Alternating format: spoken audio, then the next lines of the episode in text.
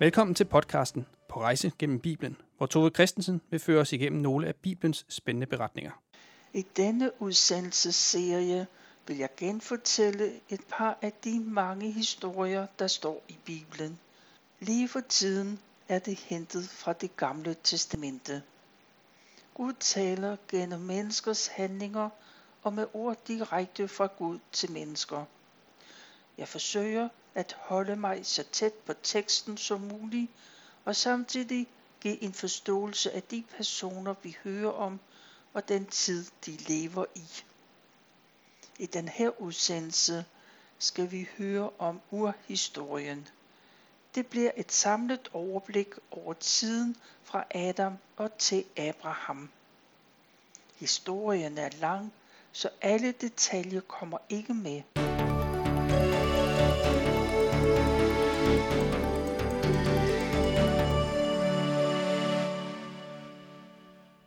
Adam og Eva, de spiser af den forbudte frugt, og Gud sender dem ud af paradiset. En ny hverdag begynder for dem. De opdager, at der er store forandringer, men alligevel er det den samme jord, den jord, som Gud har skabt. Adam begynder at dyrke jorden. Han rydder et område for tisler, så han kan så korn og Adam passer husdyrene. Han sørger for, at de får både mad og vand. Adam og Eva, de har bygget et hus. Det ligner sikkert det hus, de havde i paradiset. Gud har jo ikke skabt dem til lediggang. Både i paradiset og udenfor, så har de arbejdet. Nu opdager både Adam og Eva, at arbejdet er blevet meget mere besværligt. Eva hun er gravid. Hun kender de gener, det medfører, og den smerte, det er at føde børn. Hun glæder sig til at holde det lille barn i sine arme. Den første dreng Eva føder bliver kaldt for Kain. Den næste dreng hedder Abel. Eva har helt sikkert også født piger, før Kains fødsel og efter. Men dem hører man bare ikke om. Kain og Abel, de hjælper deres far. Kain, han får hurtig interesse for at dyrke jorden. Abel, han vil hellere passe husdyrene, sørge for, at de har det godt. Adam giver sin viden videre til børnene. Alt det, han har lært om at dyrke jorden, og passe husdyrene og bygge et hus og lave de redskaber, der skal bruges for at kunne udføre det arbejde, der skal gøres. Alt det har han lært af Gud i paradiset, og nu får han virkelig brug for den viden. Adam lærer også børnene at bringe ofre til Gud. Når Kain og Abel er gamle nok til det, så tager Kain noget af markens korn og bringer det som en offergave til Gud. Abel, han slagter et lam, og noget af det bedste kød, det er hans offergave. Gud kender deres handlinger, men det er hjertets indstilling, han øh, lægger mærke til. Det er den, han dømmer ud fra. Gud tager imod Abels offer, for Abel kommer til Gud med et taknemmeligt sind. Kains offer tager han ikke imod. Kain har kun bragt det offer for et syns skyld. Han er ikke optaget af Gud. Alle er klar over, at det er sådan. Det gør Kain bitter over Guds reaktion. Gud kommer til Kain og giver ham en advarsel. Gud spørger, Hvorfor går du, Kain, og kigger ned i jorden? Når du gør det gode, kan du frit se andre i øjnene. Hvis du derimod gør, hvad der er ondt, så lurer synden ved din dør. Den ønsker at overmande dig, men du skal være herre over den. Gud advarer Kain. Breden skal ikke styre Kains handlinger. Han skal lære at beherske den. Men Kain lytter ikke. Kains vrede kommer til at gå ud over Abel. En dag inviterer Kain sin bror Abel med ud på sine marker. Derude, hvor Kain tror, at de er alene, der slår han sin bror ihjel. Der var to, der gik ud. Der er kun en, der kommer tilbage. Kain var sikker på, at de var alene. Men Gud har set, hvad der skete. Gud vil gerne give Kain en chance for at bekende det, han har gjort. Derfor spørger han, hvor Abel er. Men Kain svarer, hvor skulle jeg vide det fra? Skal jeg passe på min bror? Gud udtaler sin dom over Kain. Synden får konsekvenser, så Kain skal forlade det sted, han er vokset op. Han skal rejse fra sin familie. Han kan ikke længere bo sammen med dem. Kain bliver dybt ulykkelig. Han bliver også bange. Hvis nogen vil hævne sig på ham, vil alle jo kunne slå ham ihjel. Gud tager den bekymring alvorlig. Han sætter et mærke på Kains pande og siger, hvis nogen der slår Kain ihjel, så vil hans straf være syv gange værre, end den Kain har fået. Kain må gå den tunge vej hjem for at sige farvel. Alle bliver klar over, hvad Kain har gjort. Hans far Adam, han får medlidenhed med sin søn og vil gøre tabet mildere. Derfor får han en af søstrene til at tage med Kain. Måske er det oven købet Kains yndlingssøster, han får til kone. Det betyder, at Kains slægt kan blive videreført. Kain og hans kone pakker deres ting. De kommer til landet Not. Og der slår de sig ned. Kain får en familie, og med tiden bliver de så mange, at de kan grundlægge en by. Tilbage til Adam og Eva. Eva, hun bliver igen gravid. Hun får en søn, som hun kalder for Seth. Hun ser ham som en erstatning for den dræbte Abel. Seth bliver noget særligt, for hans tro på Gud er lige så stor og levende, som Adam og Evas er. Den smitter af på hans medmennesker, og sammen begynder man at bede til Gud og lovprise ham, som skabte dem selv og den verden, de lever i. På det her tidspunkt, der er middellevealderen cirka 900 år. For at sætte det i perspektiv, så levede Gorm den Gamle for 900 år siden. Det var ham med jællingestenen. Når man lever så længe, stiger befolkningstallet hurtigt. Der kommer flere og flere mennesker, men der er færre og færre, der samles for at tilbe Gud. Ugudeligheden, den bliver udbredt. Hverdagens slid og møje med at skaffe det nødvendige til dem selv og deres familie, det tager på kræfterne og frimodigheden. Man begynder at glemme Gud. Men der er lyspunkter. Der er Enoch. Han når ikke engang at blive 400 år. Han har et tæt og tillidsfuldt forhold til Gud. De gamle sagde, han vandrer med Gud. En dag så er han ikke mere. Ingen kan finde ham. Gud har taget ham op til sig. Det er for øvrigt hans ældste søn Methusalem, der blev verdens ældste. Han blev 969 år.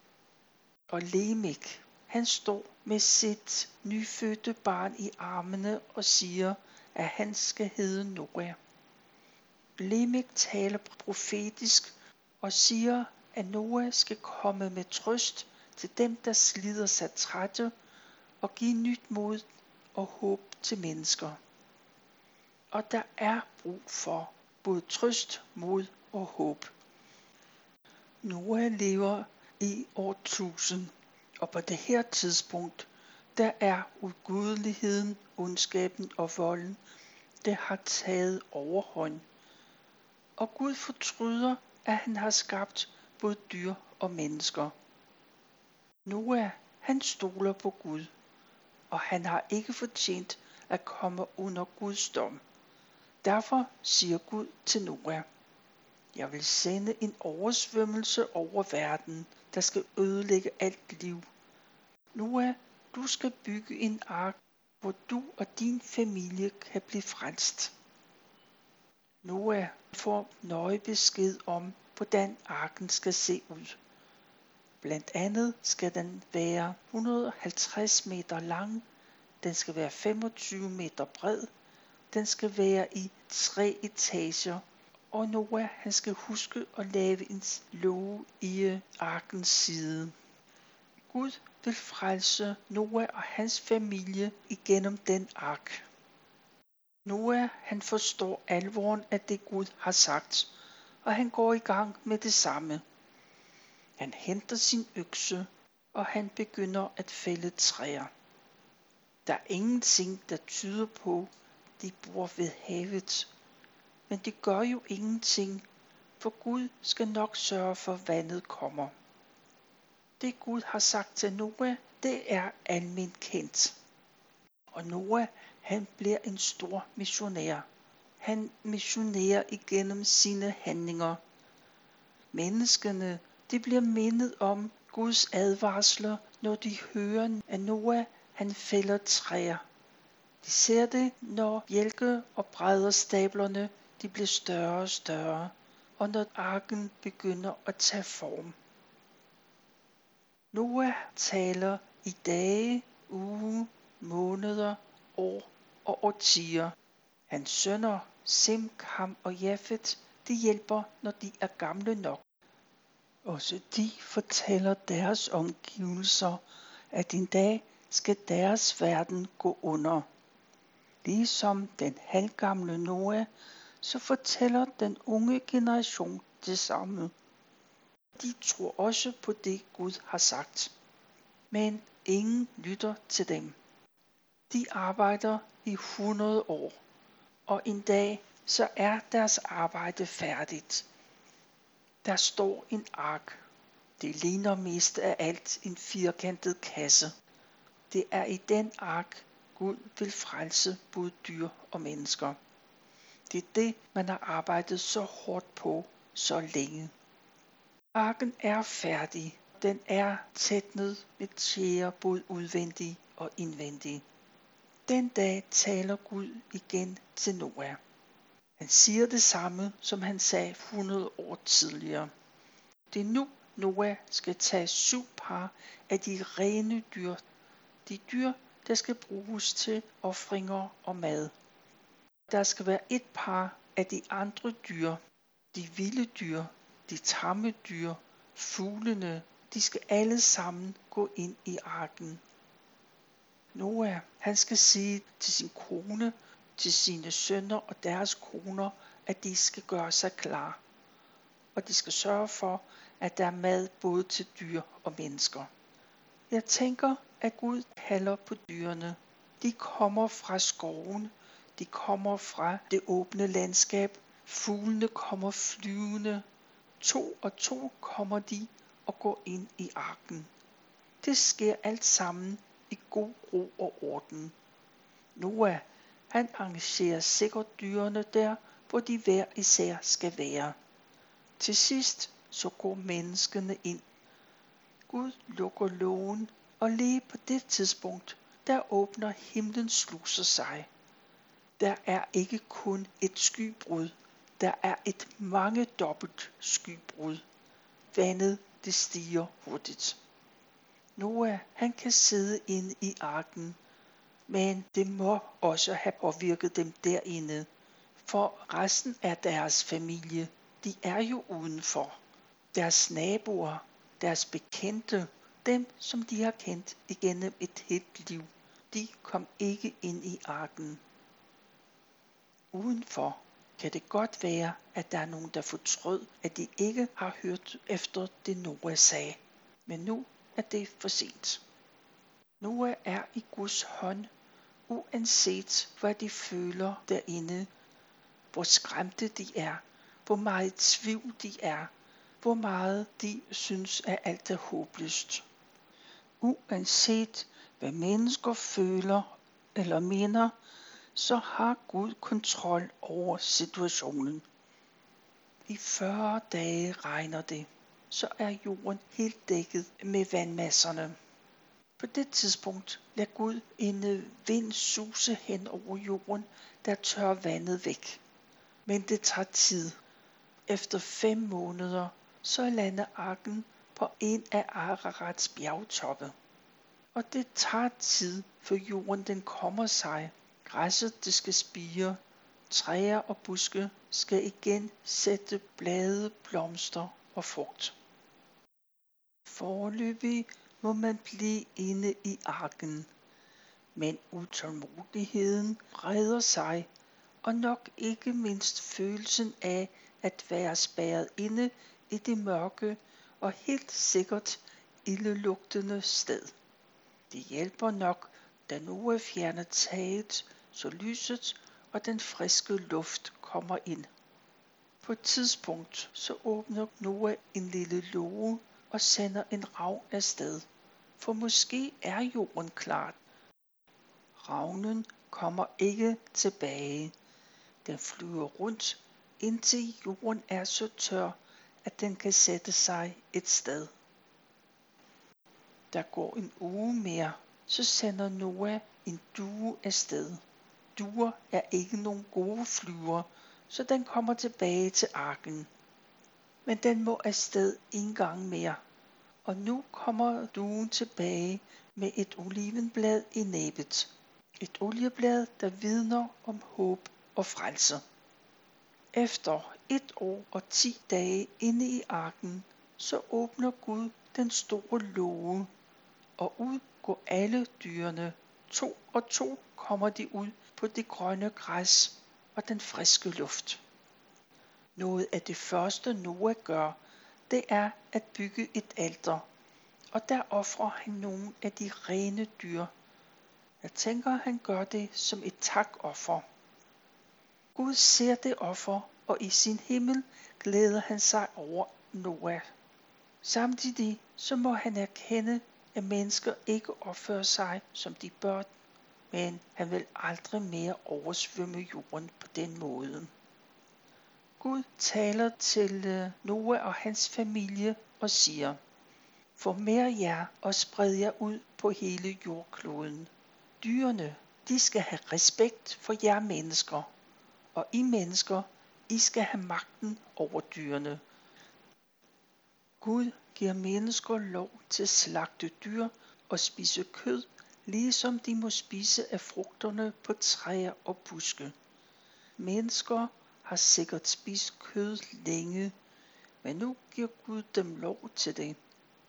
Der er en leveregel mere. Gud siger, du må ikke slå ihjel, for i sit billede skabte Gud mennesket.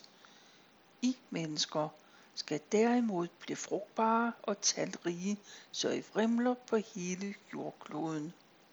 Indtil nu har det stort set været de regler, som Gud også sagde til Adam. Gud kommer nu med en tilføjelse, for Gud lover både mennesker og dyr, at så længe jorden består, så vil han ikke ødelægge jorden på den måde, som han har gjort. Det var Guds tale. Familien, de får en hverdag til at fungere. De bor i deres telte, de dyrker deres jord og passer husdyrene. Noah finder tid til en hobby. Han planter en vingård. Han planter og vander, og i det hele taget sørger han for gode forhold for vinstokkene. Vinburglaserne bliver plukket og presset. Noah laver vin, og ikke mindst smager han på vinen. Han smager så grundigt, så han bliver fuld. Plakatflod. Den dag ved han ikke, hvad han selv gør. Det ender med, at han smider tøjet og ligger nøgen inde i sit telt. Det er en stor skam at vise sig på den måde. Lige siden Adam og Eva de spiste af det forbudte frugt, og synden kom ind i verden, har det været skamfuldt at være nøgne. Og nu kommer Kain ind og ser sin far ligge der.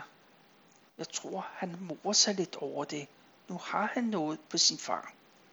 Kam går ud og finder sine brødre og fortæller både Sim og Jafet, hvad han har set. Brødrene synes, det er uværdigt, at deres far skal udstilles på den måde.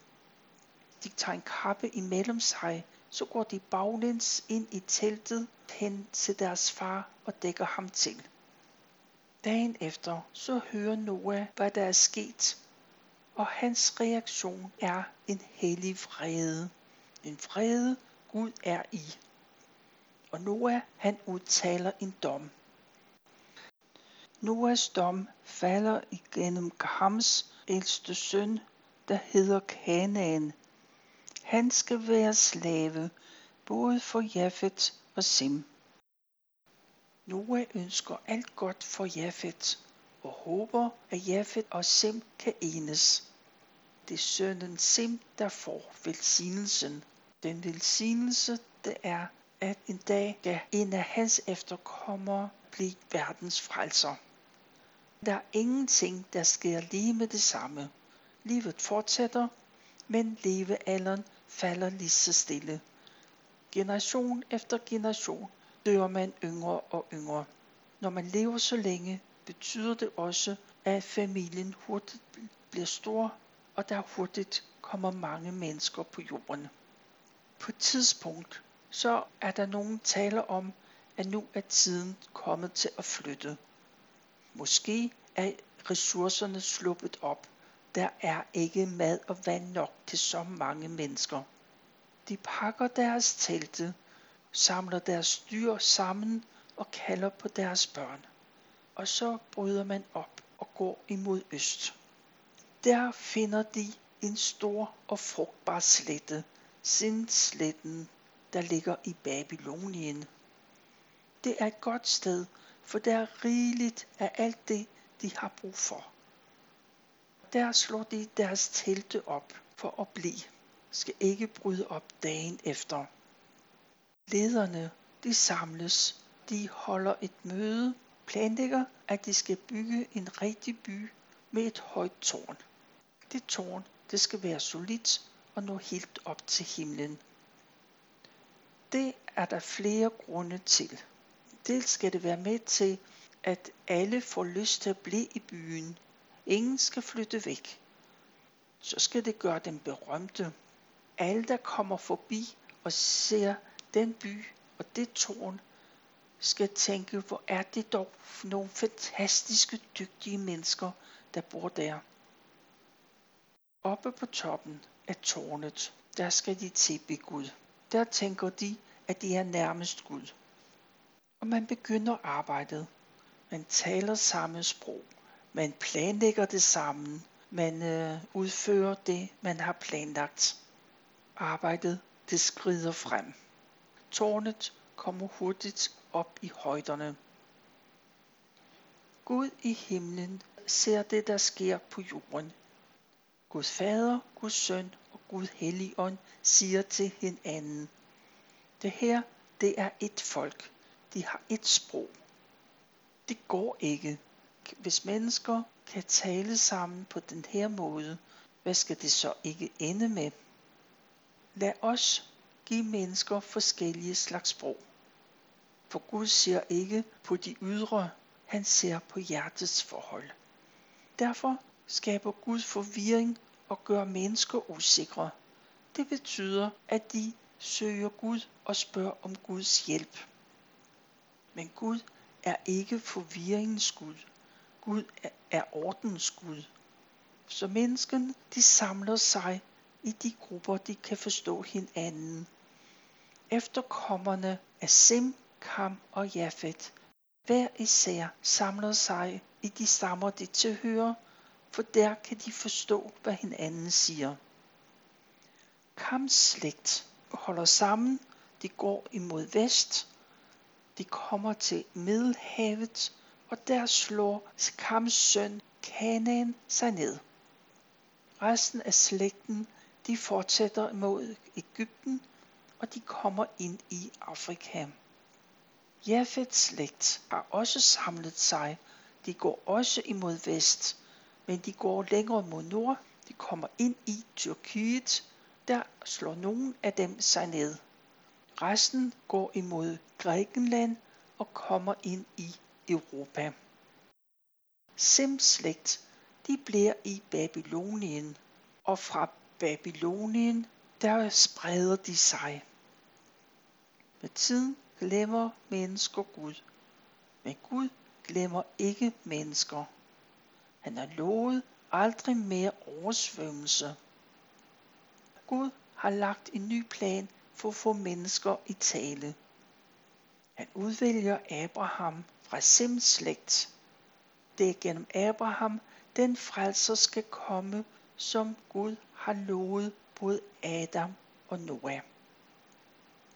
Det er slut på den her historie. Jeg har fortalt fra 1. Mosebog, kapitel 4 til 11. Citaterne de er fra Bibelen på hverdagsdansk. Vi når ikke mere for nu. Tilbage er der kun at sige tak for nu, og tak fordi du lyttede med.